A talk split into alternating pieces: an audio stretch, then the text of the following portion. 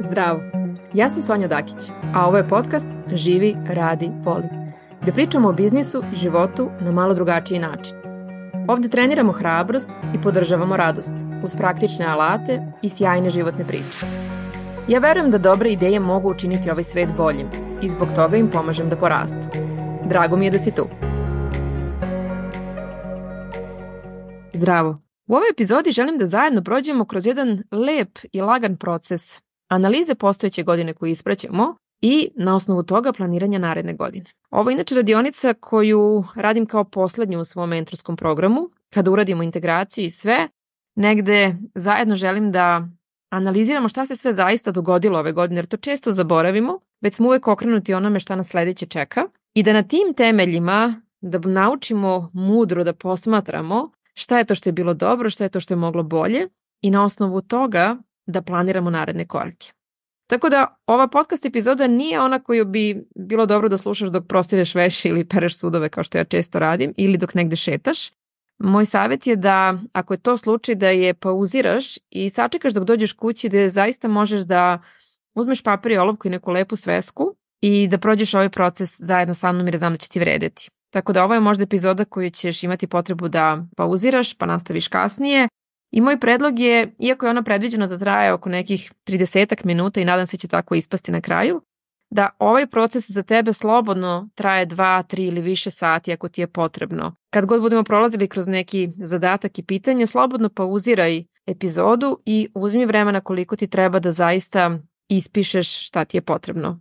Kao dodatnu podršku ovom procesu možeš preuzeti PDF kratki priručnik koji je u prilogu i u njemu imaš sačuvana pitanja i neke osnovne stavke, tako da ga možeš koristiti u narednim godinama kao podsjetnik za ovaj proces. Pa, ajde da krenemo. Moj predlog je, i to je neka moja praksa, da odvojiš jednu svesku za ovaj proces i da je koristiš iz godinu u godinu. Moja je iz 2019. i meni je zaista vredno i značajno da danas mogu ponovo da prođem kroz te neke stvari koje sam pisala, ciljeve koje sam postavljala, Na osnovu toga nekad i podsjetim se zapravo šta se koje godine desilo i sada je to već neka peta godina, tako da moj predlog je da to bude jedna sveska koju ćeš ispunjavati jednom godišnje sa ovakvim procesom i između toga možda sa nekim vrednim uvidima, planovima i vraćati se nekim spiskovima da čekiraš ono šta si uradila ili uradio. Tako da priručnik po potrebi ako ti treba možeš preuzeti.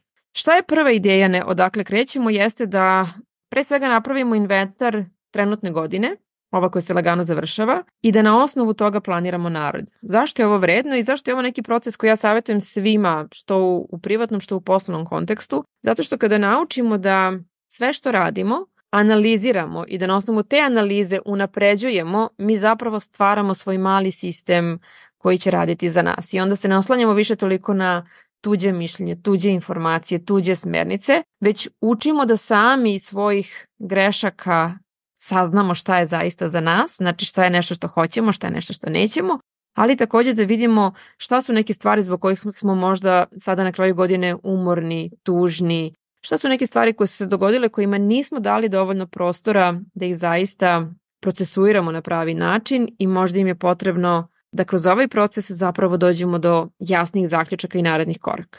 Tako da Ovo kako ja radim ovaj proces, pošto ja većinu svojih obaveza i privatnih i poslovnih beležim kroz Google kalendar, ja se vratim na januar i prođem kroz ceo kalendar da popišem sve bitne događaje. Ukoliko imaš sličnu praksu, onda je to dobar put za tebe.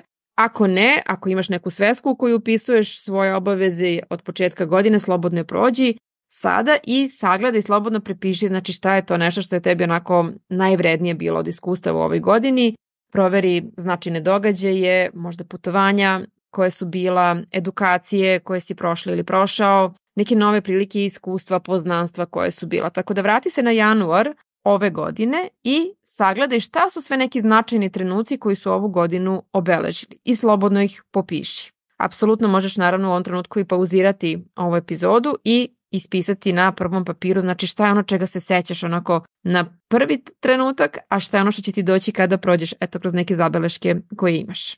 Sledeći korak jeste da odredimo nekoliko polja, nekoliko kategorija po kojima ćemo analizirati svoj život.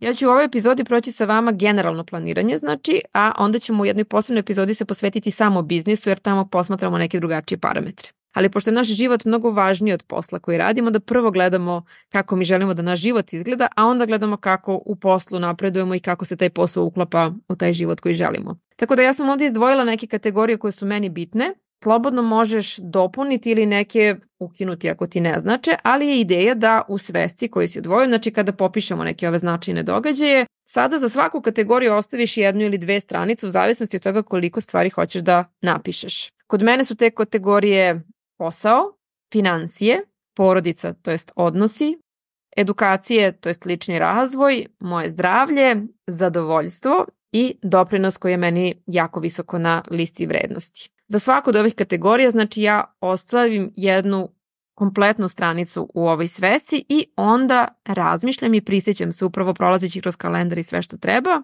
šta je bilo dobro i šta nije bilo tako sjajno. Slobodno možeš podeliti papir na pola, znači gde ćeš gore obeležiti šta je to što je bilo dobro, a ispod njega šta je to što nije bilo dobro, ili ako imaš puno stvari, odvoji celu jednu stranu za te plus stvari, a jednu drugu za ove koji su minus, da kažem ove koje nisu bile tako sjajne. I slobodno piši sve što ti dođe. Nemoj razmišljati da li je nešto dovoljno bitno ili ne, koliko god malo ili veliko ti se činilo, zapiši sve što tebi bilo važno. I onda kada osetiš da negde imaš onako značajnu listu i da si prošla ili prošao sve što je bilo bitno, za svaku oblast izvoj po tri stvari koje su tebi bile najvažnije, koje su možda ostavile najjači utisak na tebe, doprinele su li su otvorile neki novi pravac, neku spoznaju. Reći vam kako je to u mom slučaju izgledalo kada sam prvi put radila 2019. ovaj proces i kada sam prošla kroz svoj kalendar, moj utisak na kraju godine je bio da sam ja neverovatno umorna, a nisam osjećala da sam nešto puno postigla te godine. Međutim, kad sam prošla kroz svoj kalendar, shvatila sam da imam, sad se ne sjećam tačnog broja, ali 32 ili 35 radnih vikenda To je bio period kada sam ja završavala svoju edukaciju za NLP trenera i takođe bila u programu asistencije. Znači ja sam posle svoje završene edukacije još dve generacije prošla edukacije sa za NLP praktičnera i NLP mastera. Faktički sam celu edukaciju tri puta odslušala i svaka od njih je imala 8 meseci, znači nekad su se ti meseci preklapali, dešavalo se da ja svakog meseca jedan ili dva vikenda radim i onda naravno ponedljak se vraćam na svoj posao i da je to nešto što me zaista jako umorilo. I na kraju te godine, tek kada sam sagledala tu brojku, shvatila sam vezu između tog podatka i mog osjećaja. I onda sam sebi rekla, ok, ja neću da radim vikendima kada ne moram. Naravno i dalje su neke edukacije ili događaje isključivo vikendom, ali sada je to otprilike u nekoliko meseci jedan vikend, ali nikada ne zakazujem nikakve aktivnosti u mom programu vikendom, zato što je to vreme kada prvenstveno ja hoću da provedem sa svojom porodicom, svojim prijateljima, nekim putovanjima za vikend i onda naravno odatle ide i potpuno jedan drugačiji model planiranja. Tako da zbog toga mi je načino da zaista sagledate i date sebi vremena šta je to što je bilo dobro, šta nije po ovim kategorijama, znači za sve ove koje sam ja navela, kažem vi slobodno možete staviti 3-4 ako vam je ovo previše ili dodati neke koje su vama bitne, ali u kontekstu posla, znači šta je bilo sjajno, koje su neke prilike koje su imali, šta su neke stvari koje su me zaista umorile, možda projekti koje nisam dobro procenila, zahtevali su više vremena, nisam ih dovoljno naplatila, ta saradnja nije uspela kako treba. Na polju financija koliko novca sam želela da zaradim, a šta se zaista dogodilo. Da li sam imala neke neplanirane troškove, a nisam imala neku rezervu iz koje bi je pokrila, pa je to onda bio dodatni stres. Da li sam imala neke projekte koji nisam očekivala, a značajno su me poboljšali moju finansijsku situaciju. Sa strane porodice i odnosa, koliko sam zaista zadovoljna kako i koliko vremena provodim sa onima koji su mi važni da li planiramo neka zajednička putovanja ili to ne stižemo da uradimo, da li samo onako na dnevnom nivou razmenjujemo informacije ili imamo neke planirane zajedničke trenutke. Moje deca su sad već velike, oni imaju 15 i 12 godina i naši zajednički trenuci su uglavnom neko gledanje filmova, društvene igre i tako neke stvari. Znači više ne idemo sa njima, ne znam, u parku, igraonice, to smo prerasli na svu sreću i sada je naš odnos na nekom drugačijem nivou. Sa strane edukacije ličnog razvoja možemo razmišljati u kontekstu toga koje edukacije želim, koje sam želela, koje sam ostvarila, koje su negde ostale možda na nekoj listi želja, koje su bile potpuni promašaj i nisu ispunile moje očekivanja. Sa strane zdravlja gledamo da li smo i kako bili zdravi, da li smo vodili brigu o svom telu, da li smo dovoljno spavali, vežbali, kako smo se hranili. I strane zadovoljstva gledamo sve ove aspekte. Koliko smo zaista prethodnu godinu zadovoljni nekim odlukama, granicama koje smo postavili, koliko smo bili umorni, tužni, frustrirani. Znači, sagledavamo ceo taj neki emocionalni aspekt toga. I na kraju ja sam rekla, kod mene je doprinos jako bitan i ja negde onako na godišnjem nivou imam određeni procenat svoga vremena, određeni broj dana koje godišnje izdvajam da neke inicijative koje su meni jako važne podržim kroz svoj rad. Da li su to neke besplatne radionice, mentorstva, šta god. Ovo je nešto što je meni jako važno i što je zaista deo mog godišnjeg plana, nekih saradnji koje već godinama tako održavam. Tako da kada imate ovu listu šta je bilo dobro, šta nije bilo tako sjajno, ostavit ću vam par pitanja. Ja ne volim predugačke spiskove pitanja jer se obično njima izgubim, ne volim ono 50-100 pitanja ne znam šta, zato što koliko god sjajna bila i ceo coaching se zasniva na dobrim pitanjima, nekada nas preplave. Tako da sam ja ovde izdvojila za neke one koji zaista mogu da pokrenu taj analitički proces i da nam osveste šta je nešto možda što smo podrazumevali i šta iz toga možemo da zaključimo. Tako da ovde tih par pitanja imate ih u priručniku sve izdvojene, pa ili ih zapišite dok me slušate ili kroz priručnik ih prepišite. Prvo je na što sam ponosna. Ovo je nešto sam ja vežbala godinama, da zaista sebi odam onako priznanje za neke stvari koje sam postigla, jer sam ranije znala obično da kažem kako sam eto ja bila na pravo mestu u pravo vreme, ne odajući sebi ni malo priznanja za to što sam bila deo nekog projekta, što je neko baš mene zvao i što sam se našla u određenoj situaciji. Tako da razmislite na što ste vi ponosni u prethodnoj godini. I to može biti upravo to da ste više odmarali, više putovali, više se družili. Uopšte ne mora da bude iz polja posla. Drugo pitanje je šta je bilo najvažnije i zašto? Šta je bio vaš prioritet ove godine i kako se osjećate u vezi sa tim? Šta ste naučili? Ne samo kroz edukaciju i lični razvoj, nego šta ste naučili ovako o sebi, o životu, o odnosima? Kako gledate na svoj život možda drugačije zbog tih iskustava? Šta mi je sada jasno? Šta sad zaista znam i to je onaj primjer koji sam vam dala sa vikendima da neću da radim 35 vikenda godišnje, što mi to zaista ne prija i koje greške sam napravila i šta sam iz toga naučila. Ovo je isto sjajno jer je to taj deo analize gde mi zapravo ako ne prođemo ovaj korak, vrlo velika vrvatnoća da ćemo ponovo istu grešku napraviti, a nije poenta u tom. Neka pitanja koje nas vode jedan nivo dublje. Šta sam spremna da otpustim? I to mogu upravo biti neki stari projekti ili ciljevi koji možda nisu više naši, neki projekti koje pripisujemo sa naših to-do lista mesecima, nedeljama, godinama možda i prosto nas više ne interesuje ali nam prave taj pritisak. Znači, šta je to nešto ste planirali da uradite, a dugo ga ne radite ili ste ga počeli nikako da ga završite? Preispitajte šta stoji iza toga. Probajte da to uradite samostalno ili tražite podršku nečiju ako vam je potrebna.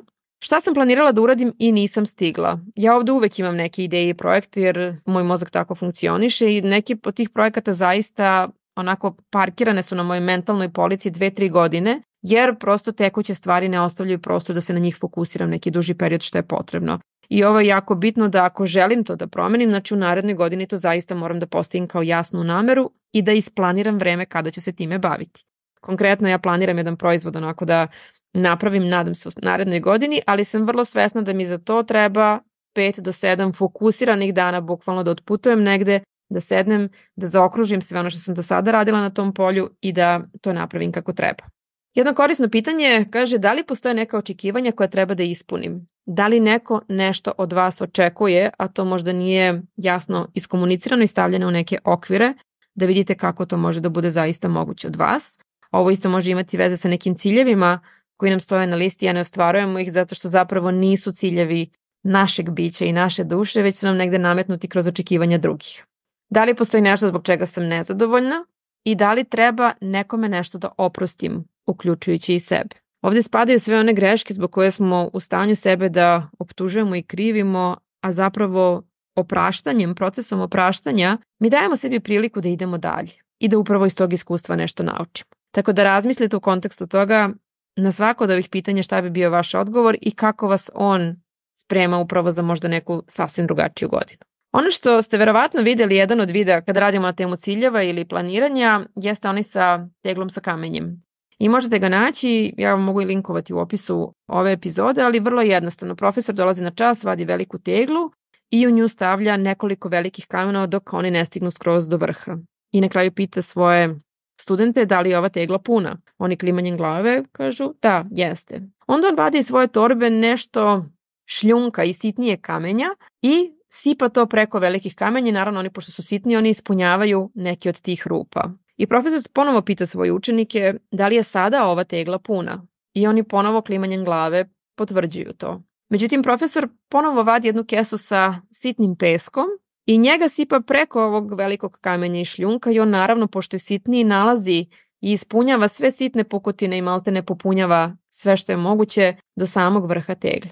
Profesor ponovo ponavlja isto pitanje, studenti klimaju glavom i potvrđuju da je tegla sada definitivno puna, na što on vadi šoljicu kafe i preliva je, to jest doliva je u tu istu teglu. I kaže koliko god mislite da je vaš život i raspored popunjen, uvek ima vremena za jednu kafu sa prijateljima. Šta je poenta ove metafore? Veliko kamenje predstavlja ono što je nama zaista važno u životu.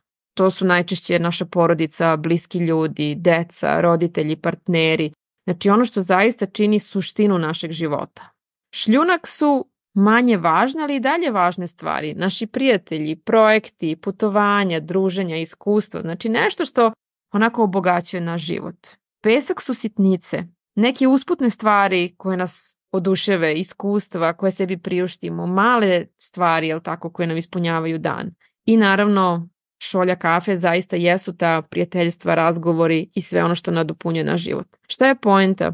Ako svoju šolju, svoju teglu napunimo sa peskom, sa onim sitnim dnevnim zadacima koje svi imamo, neće stati veliko kamenje. Zato je važno da kada planiramo, imamo redosled kako planiramo ove stvari. Da zaista ono što nam je najvažnije stavimo na prvo mesto i da umemo da odredimo nivo važnosti za određene segmente našeg života. I da znamo da možda u određenim sezonama našeg života, u određenim godinama, neke stvari će prirodno imati prioritet. To znači ako sada imate malu bebu, malo dete, ona će svakako biti prioritet broj 1. Ali će kroz godine koje su pred vama ta situacija da se menja. Oni će porasti, manje će vas zahtevati, vaš odnos će dobijati neki drugačiji okvir i pojavit će se prostor u toj tegli za neka vaša interesovanja ponovo. Tako da razmisli šta je za tebe veliko kamenje u životu, šta je ono što je zaista bitno i zaista ispunjava tvoj život sa zadovoljstvom, radošću, osjećajem dostignuća. Šta je šljunak, šta su neki manje bitni projekti, šta su te dnevne sitnice, zadaci koje završavamo i šta je ta kafa i sa kim je ti piješ da bi tvoj život bio bogatiji. E sad, ovo do sada nam je bila analiza postojeće godine. Sada okrećemo novu stranicu u svesci, slobodno šarenim flomasterima, ukrasi, nacrte kako god želiš plan za narednu godinu. I ovdje imamo sličan proces. Moj savjet je da iste ove kategorije koje ste analizirali prepišete u narednoj godini, ali da prvo krenemo s jednim jednostavnim otvaranjem. Prvo ključno pitanje jeste šta hoću da bude drugačije. Zato je važno da ovu analizu uradimo prvo. I da sada prođete kroz sve stranice koje ste ispisali i za svako polje posla, financija, odnosa, ličnog razvoja, da razmislite šta je to što ja hoću da bude drugačije na ovom polju. I onda će naš um tražiti načine kako će to da nam ostvari. Šta je isto dobro da smislite jednu reč koja će biti vaš naslov, vaš glavni motiv i zvezda vodilja za tu godinu. Može biti nešto jednostavno kao što je sloboda, autentičnost, odmor, zašto da ne, putovanja, znači nešto što će, sa čim ćete zaista da rezonujete i kada se nađete u situaciji da treba da donosite neke odluke, da se setite te reči da se zapitate da li vas to vodi ka tome ili od toga, da li vas približava onome što je vama bitno te godine ili vas udaljava. I to je sjajan početak i alat za donošenje pravih odluka. Sledeća stvar koju hoću da uradite jeste da otvojite dve, tri strane u toj svesci. Ne znam koliki ste format izabrali, pa od toga zavisi. Ako je velika sveska, onda je dovoljan jedan list. Ako je manja, onda će vam trebati više. I da krenete da pišete svoju listu želja. Malih i velikih. Moj predlog je kako mi to radimo u mom programu jeste da imate 50. Obično iz prve ruke, kada krenemo da radimo ovu vežbu, mi dođemo do nekih 20-30 i onda ovu listu dopunjavamo. Zato mi je bitno da sebi ostavite mesta. Ovde pišite sitnice male, velike, šta god vam padne na pamet.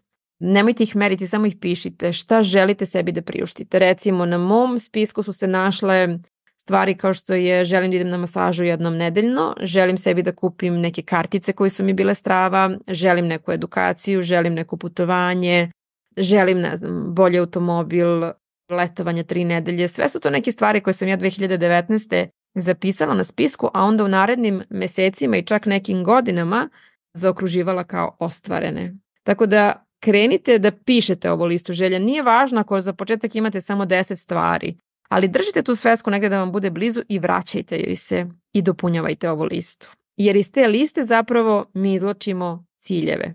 I onda razmišljam, ok, šta je to što ja naredne godine želim da sa ove liste pretvorim zaista u cilj i da osmislim kako će to za mene biti moguće. U sledećoj epizodi ćemo, proći ću sa vama konkretno kako izgleda planiranje i analiza za posao, za biznis, kada se mnogo više fokusiramo na plan akcije, konkretne događaje aktivnosti, znači onako nešto što će vam zaista po sezonama, po kvartalima dati ideju kada se čime bavite. Ali u ovom trenutku sada, znači, vaš plan za 2024. treba da uključuje to šta želim da bude drugačije. Na svakom od ovih kategorija opet odvojite za svaku po jednu stranu i napišite šta su sada vaše neke želje i slobodno možete sa ove liste želje od 50 da isprepisujete neke u plan za 2024. Recimo, ako želite da idete na masažu svake nedelje ili dva puta mesečno, stavite to u polje zdravlja, stavite to kao nameru i vidite kako to sad može da se realizuje. Ako želite da krenete da vežbate, to će takođe biti pod stavkom zdravlje. Ako želite da sebi priuštite neku edukaciju, to će ići u lični razvoj. Ako želite da više putujete sa svojim partnerom ili porodicom, to će ići u polje odnosa. Ako želite da zaradite više novca, imate tačnu ideju koliko je to ili makar neki okvir, to ćete staviti u polje financija. Tako da razmislite i popunite ove kategorije i onda vidite da li će vam doći ta jedna reč koja će biti vaš naslov, onako vaša zvezda vodilja za narednu godinu. Takođe još neko od pitanja koje mogu da vam pokrenu lep kreativan proces jeste šta je to što ja želim da kreiram u narednoj godini. Ovo ne mislim samo na konkretan proizvod ili uslugu, ne samo u kontekstu biznisa, nego šta je to što ja u svom životu želim da kreiram. Jesu to bolji odnosi, je li to više prostora za aktivnosti koje volim kao što su čitanje, šetnja, pisanje, šta god. Znači šta je to što ja želim da stvorim, kako želim da se osjećam. Jedna od jajnih stvari kada pričamo o ciljevima jeste da se ne fokusiramo toliko na nešto što je opipljivo i merljivo, iako to jeste jedna od instrukcija kada postavljamo ciljeve, jel tako da bi naš um mogao što lakše da to istraži. Ali kada vežemo svoje ciljeve i svoje namere za emocije, onda zadržavamo jednu dozu fleksibilnosti da menjamo način kako ćemo nešto ostvariti a da, nam, da imamo jasan pravac u kom se krećemo. Tako da razmislite kako vi želite da se osjećate naredne godine i opet prođite kroz ono što ste zapisali, što vam je neki glavni utisak za ovu godinu. Čega želim više u životu? I možete slobodno napisati čega želim manje u svom životu. I to većina nas će upravo napisati stresa, žurbe, možda nekih drugih stvari na kojima možda i nemamo direktan uticaj, ali je bitno da ih osvestimo da bi znali kakav oni imaju uticaj na nas i kako možemo drugačije da reagujemo na njih. I na kraju, od svih tih kategorija, od svih tih stvari, želja koje ste pretvorili u ciljeve, izdvojite glavna tri cilja za godinu iz bilo kog polja koje su vama najvažnija. I u tom kontekstu, pri toj selekciji, razmislite i zapitajte se šta je meni zaista potrebno. Obično kada na jednom polju krenemo da pravimo promenu i zaista se tome posvetimo, to skoro sigurno uvek realizuje promene i na drugim poljima.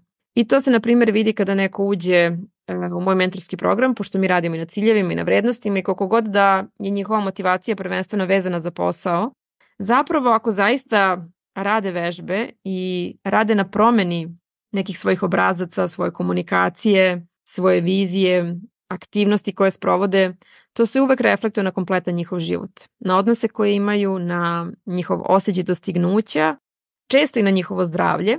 Meni je bilo simpatično kada sam prvu grupu svog mentorskog programa, tad je to bilo šest žena, mi smo se uživo viđali na poslednjoj radionici kad sam rekla ok, ajde da vidimo šta smo stvarno ostvarili ove godine, hajde da prođemo jedan krug i da kažete koji ste najznačajniji rezultati koji ste vi ostvarili u, okviru ovog programa. Sticam okolnosti, ta, tačno smo tako negde oko decembra završavale, pošto smo probile tih šest meseci koliko sam ja planirala. I onda je bila dobra prilika da sagledamo, tako, i kroz taj onako neki prirodan ciklus kraja jednog. I prva žena koja se javila rekla je ja sam prezadovoljna, ja sam napokon krenula da, da pešačim i skinula sam 10 kg. Ja sam pogledala onako zbunjena i rekla dobro, to nije bio plan i ideja mog mentorskog programa, ali kao dobro, drago mi je da, da, da ti je to ovaj rezultat. Sledeće je isto tako rekla kako je počela zdravije da se hrani, kako je uradila neke preglede koje je godinama odlagala i kako je prosto krenula da vodi brigu o sebi i kako je to mnogo bitno. I tako kako smo išli od jedne do druge oko stola, zapravo sam shvatila koliko, iako smo mi sve vreme radili na biznisu, je tako, koliko se to prelilo na njihov pogled i odnos koji imaju prema sebi u svom životu i koliko su negde preuzele odgovornost na mnogo širem spektru nego samo taj posao, jel tako, koji nas ne definiše. Tako da upravo zato znači razmisli šta je tebi zaista potrebno naredne godine i šta je možda prvo polje odakle promena treba da krene kako bi onda sva ostala prirodno pratila i možda mnogo lakše bila deo tog procesa. Šta mi je još negde važno za kraj da vam kažem? Na prvom mestu kada razmišljam o tome šta mi je potrebno, jeste da se pobrinete za sebe. Zato što to često drugi neću raditi onako u potpunosti koliko god da nas vole, nekada i neće znati šta su naše potrebe. Mi često pojam zauzetosti, zaposlenosti vezujemo sa direktno našom vrednošću. To ne treba da bude tako. I zbog toga nam je teško da odmaramo, da mirujemo, da ne radimo ništa. Ja sam imam jedan program vežbi koji sam kupila i sada prvi put kad sam krenula sa njim, on ima neki svoj raspored, traje nekih 20 dana, imate prvi dan, drugi dan, treći dan, ja se sad onako baš se spremim za taj prvi dan, kao sad ću, sad ću ovo da pokidam.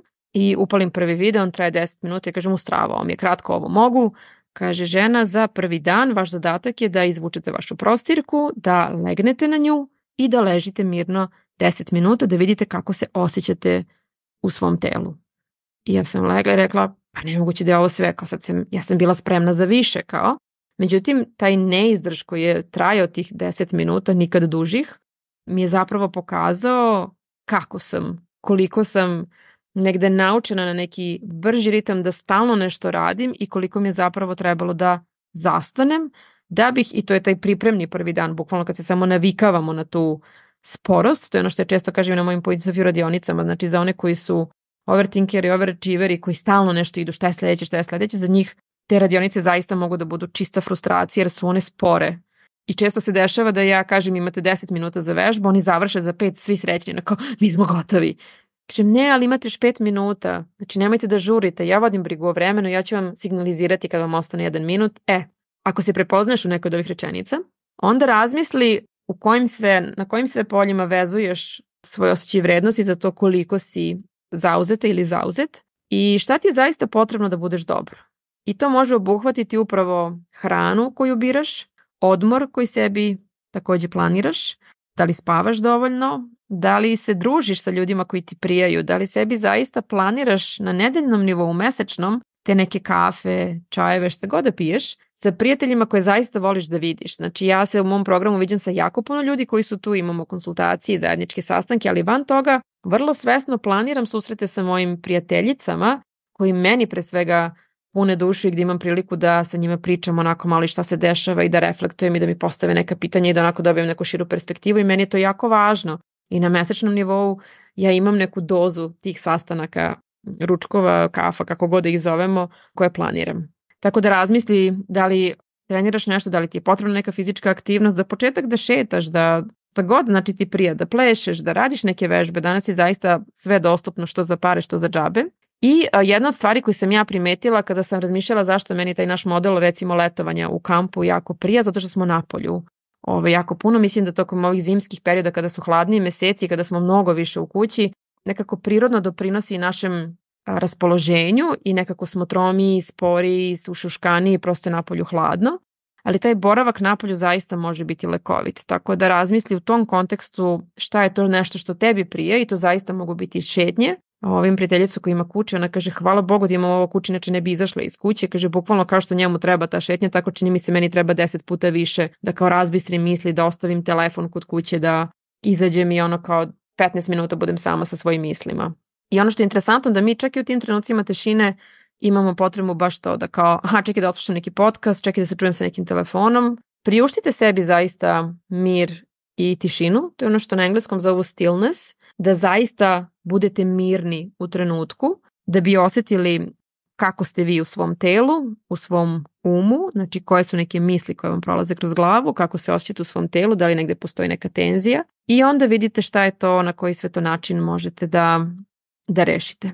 U nekoj od narednih epizoda pričat ću malo, ove, ja sam ove godine u mentorskom uvela jedan modul poseban umeće odmaranja gde smo pričali baš o burnoutu i radili smo jedan test i mm, jedan vrlo koristan TEDx koji možete ovaj, pronaći samostalno sedam vrsta odmora koje svima trebaju i oni pre svega objašnjavaju zašto ako ste prošli neki burnout, da li privatnom ili poslovnom planu, zašto nije dovoljno da se samo naspavate, jer postoje mnogo različitih nivoa na kojima mi osjećamo umor. Na nivou emocija, našeg uma, našeg tela, znači sve su to neke različite kategorije i svaka od njih zahteva i nudi nam mogućnost drugih aktivnosti kojima ćemo sebe zapravo osvežiti revitalizovati. Tako da na kraju ovog svega, kada imate plan za 2024. za narednu godinu, izvucite tri ključna cilja i moj, moja preporuka za vas je da pravite da se, ako niste to do sada imali kao praksu, da postavite sebi nedeljne i mesečne planove, aktivnosti koje vas vode, posebno ako imate neku ako imate neki cilj koji u određenom trenutku treba da se desi, ako je to recimo letovanje, ne znam, tri nedelje na nekom određenom mestu i to sad znate da će biti jul, avgust, ja recimo ako želim da letujem na tom određenom mestu u julu mesecu, ja bukvalno u januaru moram to da rezervišem jer sve bude rasprodato, tako da to je nešto što ja već sada čim se završam altene praznici bukiram za nas. I razmišljajte koji su to, znači čak ovaj nivo od tri cilja možete svesti na nedeljni, mesečni i kvartalni nivo, znači možete imati tri velika cilja, a onda recimo za vaš posao možete imati kao tri manja zadatka za svaku nedelju, za svaki mesec. Znači šta su najvažnije stvari koje treba da uradim, da ispunim da bi se oni veliki ciljevi ostvarili. Ono što je važno da imate negde na umu kada radimo na ciljevima jeste šta je ta šira slika, znači šta je, čemu to stvarno meni doprinosi, kako će moj život sa tim izgledati, jer tu dobijamo jasnoću, znači i opet kažem ta fleksibilnost da vidimo ako zapucamo jednim putem i stvari ne idu kao što smo planirali, šta je nešto što možemo da promenimo, kako možemo da se prilagodimo nekim okolnostima na koje ne možemo direktno da utičemo, i uvek da se vraćamo na to šta su zaista, šta je taj moj prioritet. Znači on u svojoj jednini nam vrlo jasno upućuje da mi zaista možemo samo sa jednom stvari da se bavimo u datom trenutku i koliko god mi imali želja, ideja i svega, ako nešto hoćemo da zaokružimo kako treba, tome treba da se posvetimo. Tako da ta prisutnost naša je ono što zapravo kreira rezultat. Šta je zaista važno da uradite i na kraju opet vraćamo se na tu temu granica, šta su neke stvarima kojima moramo da kažemo ne, da bi napravili prostor za one kojima je važno da kažemo da. I to pitanje granica onako poslednjih godina čini mi se da sve više dolazi u fokus i meni je drago zbog toga jer mi nismo naučeni u svom životu da ih postavljamo i doživljamo ih kao nešto negativno. One su zapravo jedna lepa, zdrava stvar koju treba da radimo u skladu sa sobom i da komuniciramo naravno sa drugim ljudima na koje one utiču, zbog čega su tu i kako nam one pomažu da gradimo još bolje odnose, da budemo još zdraviji, još srećniji i zadovoljniji. I to je otprilike ceo taj proces. Ja ću vam ostaviti još jednu stvar u resursima u opisu ove epizode, a to su te tabele koje ja koristim za planiranje. Vrlo su jednostavne, bukvalno ne morate ih štampati, mislim možete odštampati, ja ih štampam na tri formatu, ali možete ih i precrtati sebi na papir. Ja volim da budu na većem formatu jer onda mogu da lepim stikerima, ja malo krupnije pišem i nekako volim da to vidim. I prva tabela od koje ja krećem na početku svake godine jeste ova godišnja onda to vraćam na neke mesečne, nedeljne, možda čak i najređe popunjavam. Popunjavam ih kad hoću da vidim kako moja nedelja trenutno izgleda i da vidim gde su zapravo ti neki džepovi koje ne primećujem. Ali ja krećem od godišnje i onda po mesecima zaista odredim kada idemo prvo na godišnji odmor, kada su možda neka kraća putovanja koja, koje smo planirali već i koje znamo da će se desiti i šta su onda recimo neke velike edukacije, kada je moj program, u odnosu na to znam kada ću imati više ili manje aktivnosti i tako postavljam po mesecima dve, tri ključne stavke da bi videla kako ta godina izgleda, da ona ne bude pretrpana, jer to je ono što mi često uradimo, mi imamo potrebu, kao, kao Tetris, mi posmatramo svoj kalendar, znači recimo ako koristite Google kalendar, bukvalno ga posmatramo kao Tetris, kao da moramo da popunimo sve rupice, onda ćemo dobiti neku nagradu. A zapravo ono gde se naš život često najviše dešava je u tim prazninama, kada, kada smo sami, kada smo sa onima koje volimo, kada nismo stalno na sastancima, radionicama i ne znam kakvim zadacima.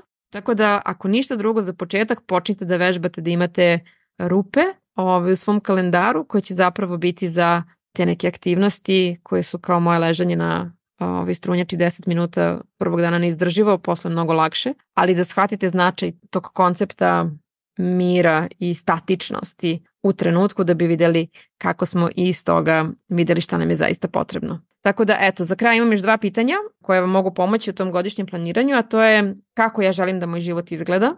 Dajte svom umu priliku da zaista kreira jednu lepu viziju, jedan lep film da vam pusti u vašem umu. I šta je zaista za mene moguće? ovo je pitanje koje ja uvek postavljam mojima u programu kada radimo ciljeve, jer je za mene bilo zaista značajno. Ja sam kroz neke coachinge i procese zapravo sa ovim pitanjem otvarala sebi nove mogućnosti. Znači, moje prvo pitanje je bukvalno bilo, a šta ako je za mene moguće više od ovoga? I tog momenta vaš um krene da preispituje šta je to više za vas. Tako da razmislite, znači kako želite da vaš život izgleda i šta je za vas zaista moguće, šta je to što vi sada sebi predstavljate kao moguće i šta bi bilo više od toga. I onda vidite šta će vam um doneti. I na kraju i uvek volim da sa mojima radim na toj temi bilansa uspeha. To je zvaničan dokument koji određeni pravni oblici, da kažem, određeni podnose u APR kao godišnji izveštaj na osnovu koga mi analiziramo neko poslovanje i svašta nešto saznajemo o različitim firmama. Međutim, volao bih da svako od vas na ličnom nivou razmisli šta čini vaš bilans uspeha. Šta je to što vi posmatrate, pratite, kako merite e, nivo zadovoljstva u vašem životu i koji su to indikatori? Da li je to količina novca koju ste zaradili, da li je to koliko dana ste bili na odmoru, koliko novih ljudi ste upoznali, sa koliko njih ste razmenili neke sjajne trenutke. Znači šta sve ulazi, koji su to indikatori vašeg ličnog bilansa uspeha? Da li za vas to znači više vremena, više putovanja, više prijatelja, više trenutaka samih sa sobom u prirodi, šta god to bilo, izdvojite 2, 3, 5 indikatora koje ćete pratiti da bi imali taj osjećaj dostignuća u svom životu, da bi na pola godine mogli da se osvrnete i prelistate ponovo ovu svesku i kažete, e vidio, ono što sam zapisala ili zapisao, vidi, to, to, se, to se desilo. Nekada se stvari dogode, a mi zaboravimo da su bile na, našem, na našoj listi želja. I to je ono što zapravo pravi razliku, ta svesnost u našem, ta prisutnost u našem životu je ono što zapravo čini da mi osjećamo da, da živimo jedan ispunjeni život. Tako da ono što vam ja ovaj, želim od sveg srca to je da vežbate tu svesnost i da stalno preispitujete kako vi merite uspeh u vašem životu. Ako vam je ova epizoda bila korisna, bit će mi drago da mi pišete na Instagramu, na mailu, gde god vam je zgodno i da mi pošaljete neke vaše utiske. I naravno, slobodno ako, ako znate nekoga kome bi bila korisna kao jedan lep proces na kraju godine ili na početku, kako ko voli, slobodno je prosledite. Eto, do sledećeg slušanja, budite dobro. Hvala ti na slušanju. Ako znaš nekoga kome bi ova epizoda dobro došla, prosledi link slobodno. Neka to bude tvoje dobro delo za danas. Ako želiš više da znaš o tome šta ja radim i kako možemo raditi zajedno, poseti moj sajt na adresi www.sonjadakić.com. Na mom Instagram i YouTube kanalu možeš pronaći puno besplatnog sadržaja, a ako imaš neko pitanje koje želiš da prođem u narednoj epizodi ili imaš tu ideju koja ti ne da mira, piši mi. Do sledećeg slušanja želim ti više hrabrosti i radosti u svakom danu.